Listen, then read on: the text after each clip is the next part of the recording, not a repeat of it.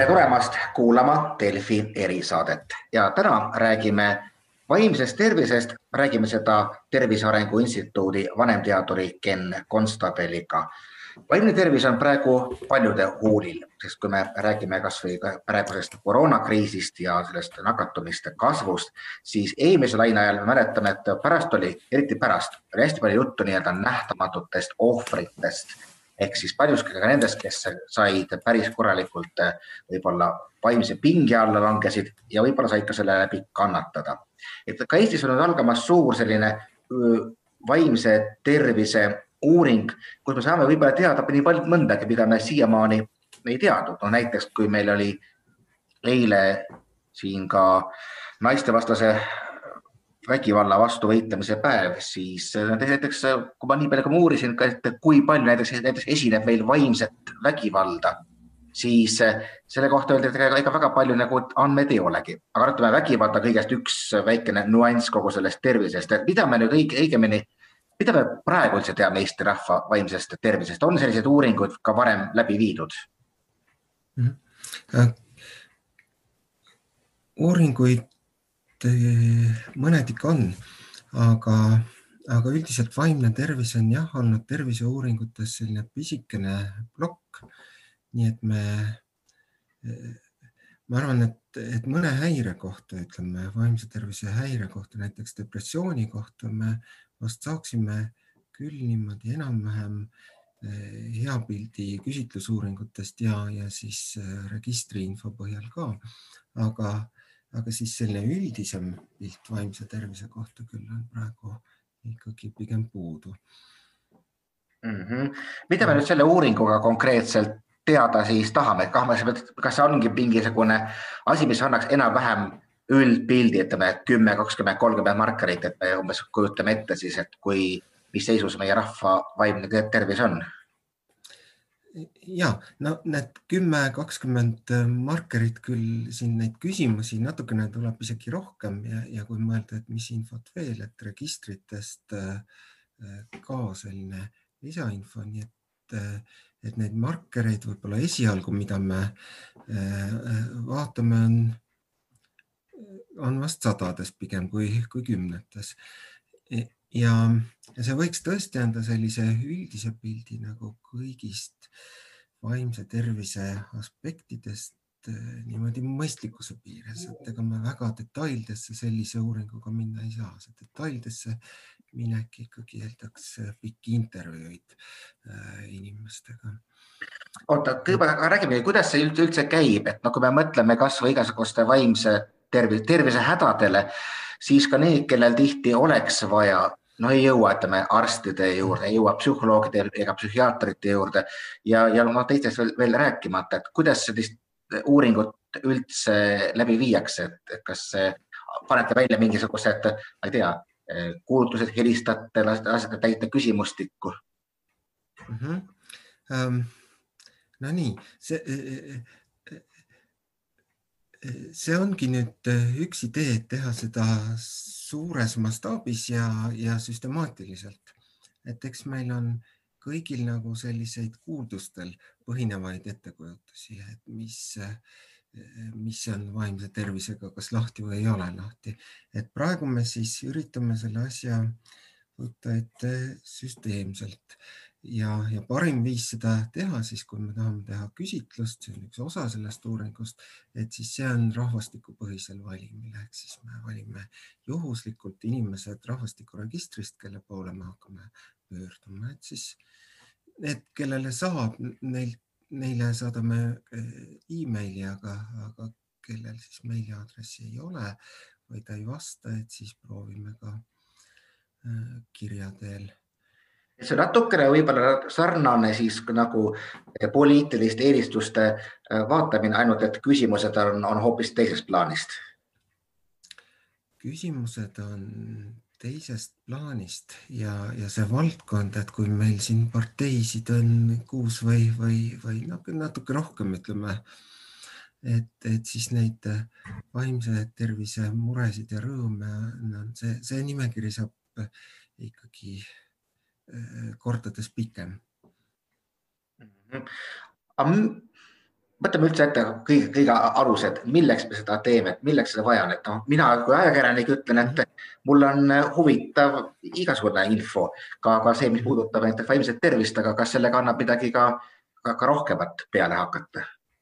ja no siin, see on see koht, kus vist teadlased ja ajakirjanikud on ühte meelt, et igasugune info on, on põnev. Nüüd lisaks sellele äh,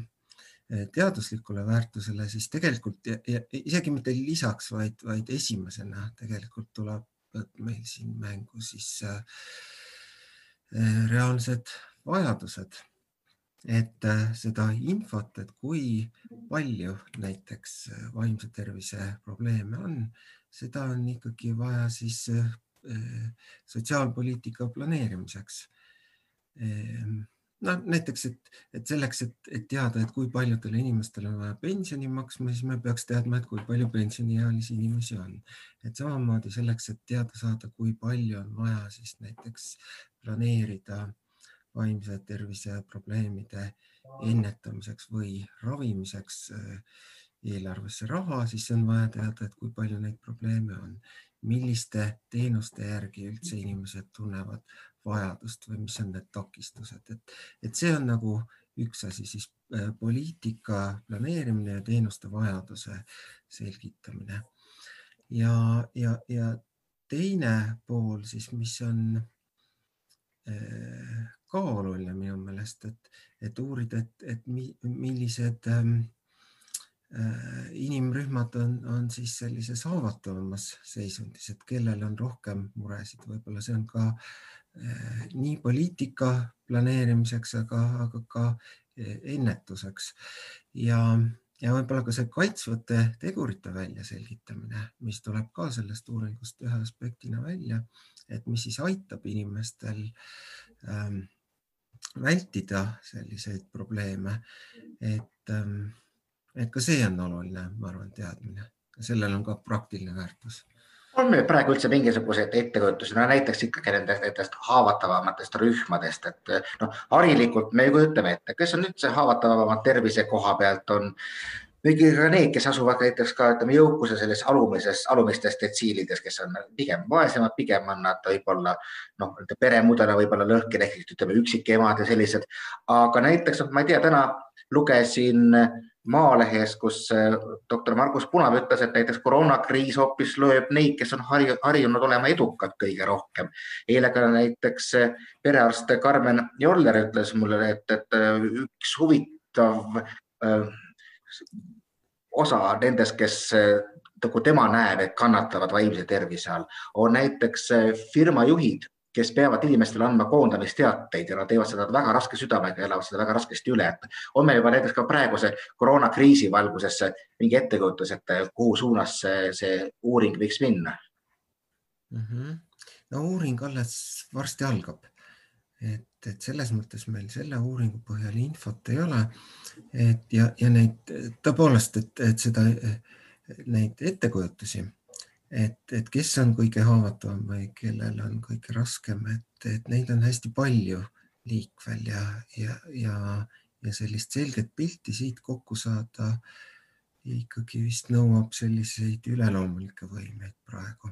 et see, see on ka üks tegelikult põhjus, miks sellist uuringut on äh, vaja, et me saaksime siis päriselt teada, sest äh, sellise üksiku mulje põhjal äh, me võime arvata, noh, ma ei tea, Tartus Toomemägi on kõige ohtlikum paik maailmas. et, et kui ma olen, kui, kui keegi on seal ükskord käinud ja, ja on halvasti läinud õhtusel ajal. aga tegelikult siis see, see vist päris nii ei ole, et samamoodi me võime mõelda, et ma ei tea, ühekordse mulje põhjal, et distantsõpe näiteks koolides on kõige hullem asi, et seda tuleks iga hinna eest vältida. aga, aga et see, et teada saada, et mis on siis tegelikud probleemid inimestel. noh, umbes samamoodi, et kui, kui ma kujutan ette, et, et kellegi tutvusringkonnas siis kõik valivad, ütleme seal mingit kindlat erakonda, et siis ta ei kujuta üldse ette, et võiks teistmoodi ka olla, et need asjad, mida me iseenda ümber eh, vahetult näeme ja, ja, ja kuuleme, ise saame katsuda, et need tunduvad kuidagi sellised lähedasemad ja samamoodi võiks mõelda, et võib-olla siis mingis ringkonnas on normaalne mõelda, et see praegune kriis on üldse kuskilt välja mõeldud ja tulnukate tekitatud. et ähm, ja, ja, ja, ja sellise objektiivse ja üldistatava info saamiseks on ikkagi selline rahvastikupõhine uuring nagu no, ainuke hea viis. aga ma ikkagi saan, saangi aru, et ütleme, kui näiteks arstid omavad päris head ettekujutust, palju on meil südame-veresoonkonna haigusi, palju on meil vähki, palju on kõikvõimalikke muid asju, siis selle koha pealt ikkagi Eesti riik siiamaani on üsna niimoodi kõhutunde pealt lähtunud. no näiteks tihti eh, ka kurdavad näiteks kliinilised psühholoogid, et neid, neid ei jätku ja, ja, ja me kõik kujutame umbes ette ka mingid järjekorrad psühhiaatrite juurde, see on nagu selline mõõdetav asi, aga just nimelt seda, et, et kui palju ikkagi mingit teenust ka päriselt vaja läheks, et seda poliitikutel isegi pole siiamaani käes üldse olnudki. no ütleme, et see, see ei ole ka päris niimoodi äh kohvipaksu pealt vaatamine ka, ka seni olnud, et meil on nagu Haigekassal on ju päris hea infosüsteem, et see, kui palju mingeid diagnoose välja pannakse, et see on ikkagi või, või siis ravimeid välja kirjutatakse, et see on jooksvalt teada. Ja aga, aga see, eks see ongi natukene nagu selline asi, mida ei saa ühe korraga ühe sellise uuringuga lühikese aja jooksul ära lahendada, sest ähm, kui meil on, ütleme juba selline äh, valdav suhtumine, et, et kui keegi ikka psühholoogi juurde läheb, et siis noh, ma ei taha selliste asjadega igaks juhuks kokku puutuda, et siis, kui juba see on nii, niivõrd tugev äh, stigma, siis tegelikult inimesed ei otsi abi eh, ja, ja mis, mis toob omakorda kaasa selle arvamuse, et võib-olla eh, sellist abi polegi vaja ja siis me saame sealt raha vähemaks võtta ja siis inimesed hakkavad järjest rohkem arvama, et, et, et seda abivõimalust isegi ei ole olemas, nii et, et, et kui me sellesse ringi ei taha sattuda, siis tegelikult tasuks neid Äh, probleeme uurida laiemal taustal, mitte ainult diagnooside järgi, diagnooside ähm,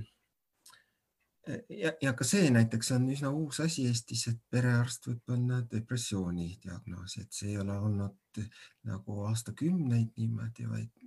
ma isegi ei oska praegu nagu täpselt öelda, et kui kaua, aga see ei ole kindlasti nagu eelmisest sajandist pärit selline tavaline asi nagu, nagu me räägime diagnoosidest, siis me juba räägime nii-öelda puhtalt ikkagi ikka selgelt meditsiinilisest aspektist. me kõik, kõik saame umbes aru, et, et ta on noh, nii-öelda vaimselt, kas, kas vaimselt haige, aga ütleme inimene, kellel on selgelt diagnoositud vaimsed probleemid. aga kui, kui laia seda nagu diapasooni te, te uuringus kavatsete mõõta, no ütleme piltlikult, kui me paneme mingisse muusse kategooriasse, siis äh, no kui on nohu, kas inimene on haige või mitte, see on juba natukene vaieldav. praegu ütleme muidugi näiteks kooli enam nohusid lapsi ei lasta, vanasti, vanasti lasti. kui näiteks inimesel on täpselt selline sügav must masendus, kas see läheb juba nii-öelda häire alla või mitte või te ikkagi vaatate ennekõike neid selgelt, selgelt diagnooside alla minevaid juhtumeid oma selles uuringus? me võtame seda ikkagi laiemalt ja sellise enesekohase küsimustiku põhjal, ega me ei saagi diagnoosi panna. et, et see on ikkagi arsti äh, küsimus. Ähm, meil küll plaanis on siis võrrelda neid küsimustiku vastuseid diagnooside ja, ja, ja selle infoga ka. see on nüüd järgmine etapp, aga, aga põhimõtteliselt mingi häire tõenäosus üldiselt vist viimasel ajal enam ma ei ole tähele pannud, et räägitakse vaimse tervise haigustest või, või et pigem kutsutakse siis häireteks kõiki neid. Ähm, et, et selle häire tõenäosust, ütleme, saab teatud määral siis küsimustiku põhjal ennustada, seal me teeme mingi vea, mis mõne häire puhul on suurem ja mõnel juhul väiksem, aga, aga, aga seda tõenäosust saab öelda ja, ja teine asi, et ega meil siis kõik eh, selles küsimustikus ei ole ainult halvad asjad, et seal on häid asju ka. aga muidugi siis heade asjadega on nii, et, et kuna meil praegu ikkagi see esimene pakilisem küsimus on see, et kuidas äh, vältida probleeme või kuidas need inimesed, kellel on raske, et nendel teha olukorda paremaks. aga et see, see küsimus, et kuidas eh, teha veel paremaks nende olukorda, kellel juba on päris okei okay olla, et, et see ei ole nii, nii pakiline, et seetõttu sellel on vähem rõhku esindatud mm. -hmm. no üks põhjus, mispärast see ka kõik, mis puudutab vaimset tervist, on praegu ikkagi äh, aktuaalne ka nende jaoks, kes muidu ütleksid, et noh, eks teadlased uurige ja täpselt nagu ka välja tõite, et, et kui minul on just nagu kõik korras, siis just nagu probleemi ei olegi. on ikkagi seesama koroonakriis, mis on, mis on nüüd äh, kõik äh, pea peale pööranud, et no üks eriolukord meil oli, teine äkki õnnestub ära hoida, aga iga, igal juhul pole see olukord normaalne, et, et mis selle mõju juba on olnud ja mida me juba, juba saame näha ja öelda? no siin äh, muidugi selle eriolukorra mõju äh, otseses mõttes, et, et me saaksime öelda, et see on nüüd põhjuslikult selle olukorra mõju, et, et see on teaduslikult ikkagi päris keeruline küsimus, aga kui me vaatame nüüd selliseid lihtsaid äh, küsitlusi, mida siis on ka meil Turu-uuringute aktsiaselts teinud, siis näiteks Riigikantselei tellimusel, et, et siin me ju midagi saame öelda selle äh, mõju kohta äh, või, või muutuste kohta. ja, ja, ja näiteks me, me, kui, kui mõelda selle peale, et kas siis inimestel on tõesti väljakannatamatult raske olukord, et, et siis äh, on meil täitsa suur hulk inimesi, ligi nelikümmend protsenti, kes ütlevad, et need meetmed võiksid minna karmimaks. Ehk siis, et, et tegelikult mingisugune ja, ja neid, kes äh, ütlevad, et peaks leevendama, neid on siis neli korda vähem. et, et see võib-olla on see koht, kus, kus, kus võib äh, mõelda, et, et äkki me oleme liialdanud sellega, et inimesed ei saa välja kannatada karmimaid meetmeid, et nad võib-olla oleks valmis, kui see on nii-öelda see, see põhjus on ära seletatud või arusaadavaks tehtud. no üks põhjus, mispärast inimesed on valmis karmide piirangutega, on, on selgelt hirm ja noh, praegu ma isegi ei oska öelda, kuidas iseloomustada neid äh, valitsusest tulevad sõnumeid, need on pigem ütleme vastuolulised. no aga ütleme, kevadel oli, oli väga selge, et, et äh, kõik noh, tundus, et ta on ikkagi väga karm ja ega öeldi, et kui, kui umbes niimoodi käitu, läheb veel hullemaks. kuidas sellised sõnumid pikas perspektiivis inimeste psüühikale mõjuvad, et korraks ennast mobiliseerida on üks asi, aga elada pidevas hirmufoonis, et mis, mis see tähendab?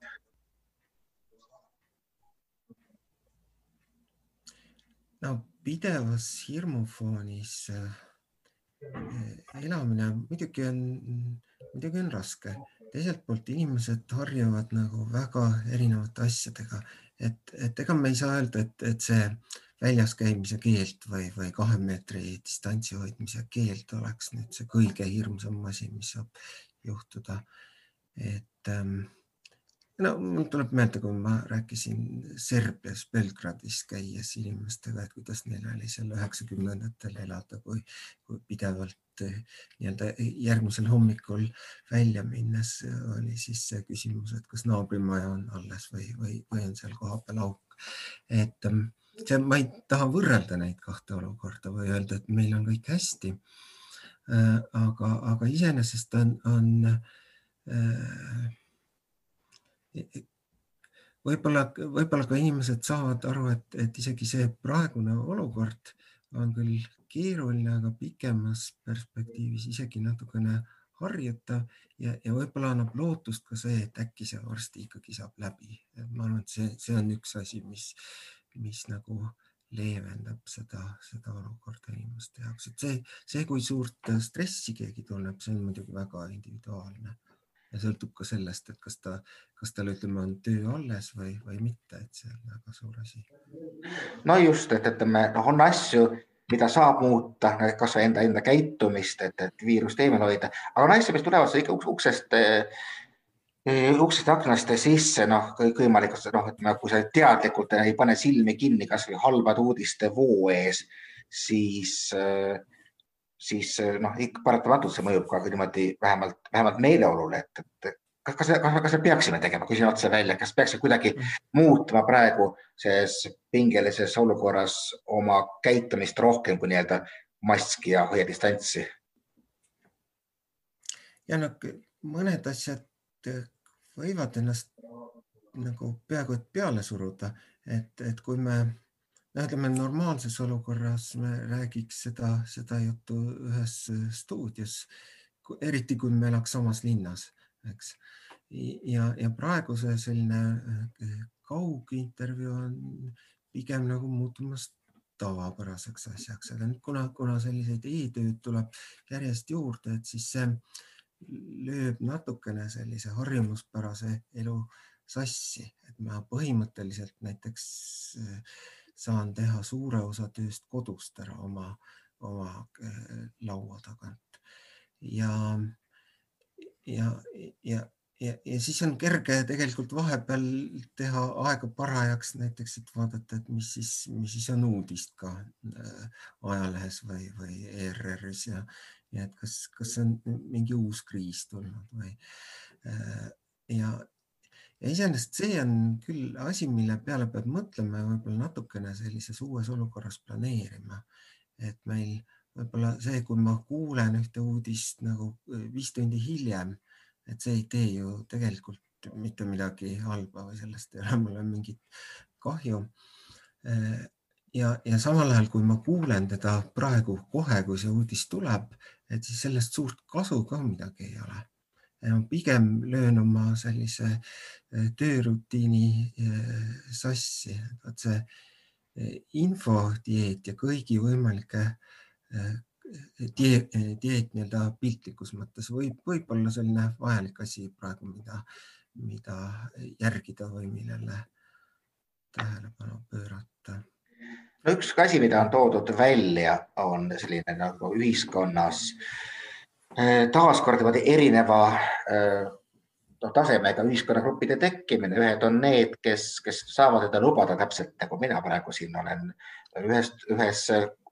kabiinis ja, ja, ja teie olete teises oma, oma ruumis ja teha nii-öelda kaugtööd ja teised, kes mitte kuidagi ei saa ja, ja sealt tulevad juba sisse sellise pinge ühiskonda. aga ma tahtsin tegelikult nagu lõpetada just selle mõttega, et kui nüüd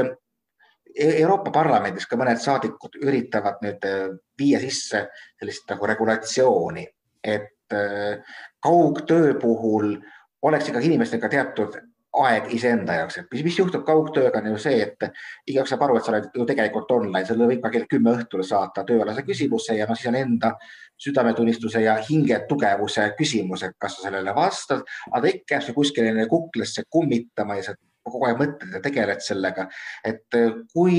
kui, kui mõistlik see oleks, et mm, ka ennast kaitsta läbi selle ja panna nüüd praegusel ajal kas selge piire sellisesse kaugtöökontoris ma arvan, see on vajalik, et sellised eh, harjumused, mis tavaliselt on ju kuidagi keskkonnaga seotud, et kui ma lähen tööle, siis ma alguses käin natuke maad või sõidan autoga või bussiga ja siis jõuan kohale ja teen seda tööd mingis teises ruumis. et nüüd need, kes, need, need, kes on päris kaugtööl Need võib-olla on kogu aeg päev otsa, nagu mul üks hea tuttav istus oma köögis ja tegi tööd pool aastat järjest selle kevadise eriolukorra ajal, see oli küll Šotimaal, mitte Eestis, aga ähm, et, et siis muidugi ka niimoodi, et ei ole mingit sellist pealesurutud kontrolli, et ma pean jõudma sinna kella üheksaks ja lõpetan kell viis ja lähen ära. et, et see tegelikult sellised reeglid endale kasvõi poolvägisi peale suruda, ma arvan, on võib-olla hea mõte.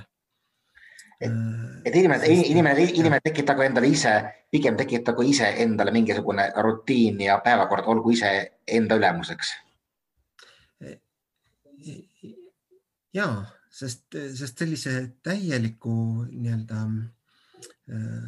igasuguste reeglite puudumisega on ikkagi raske, raske toime tulla, et kui noh, see umbes samamoodi, et kujutame ette, et me üks päev ärkan üles kell viis hommikul ja teine päev magan kaheteistkümneni, et see lööb sellise päevakava ikkagi üsna selgelt sassi.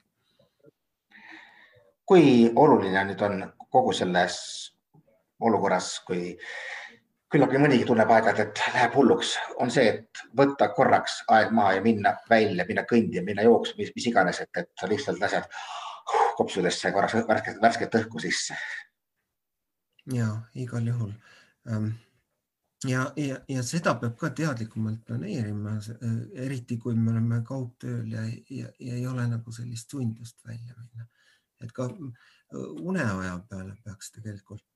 ilmselt praeguses olukorras rohkem mõtlema, et plaanida, et me, me, me saaks selle uneaja kokku ja, ja ei peaks järgmisel päeval niimoodi uimerdama. vaatame, igatahes tulemused kogu meie rahva kohta on siis peagi, kui see, see uuring ükskord läbi saab, tulekul. muide, muide, millal üldse me võime oodata mingeid esialgseid tulemusi, mida on ka huvitav näiteks meediaga jagada? Kevadel, mõne kuu pärast, et, et me see küsitlus loodame, loodame sel aastal veel alustada. praegu mõnest, mõned asjaolud, mis võivad seda edasi lükata, aga. no selge, ühesõnaga umbes samal ajal, kui meieni jõuavad vaktsiinid, saame ka ettekujutuse, milline on meie üldine seisund ja ilmselt ka siis selle kohta, kuidas see, kuidas see koroonakriis meile kõigile mõjunud on. igal juhul mm -hmm. suur aitäh meiega, meiega ühinemast, et Tervise Arengu Instituudi vanemteadur Ken Konstabel, mina olen Krister Paris ja jääme kuulmiseni. aitäh kõigile.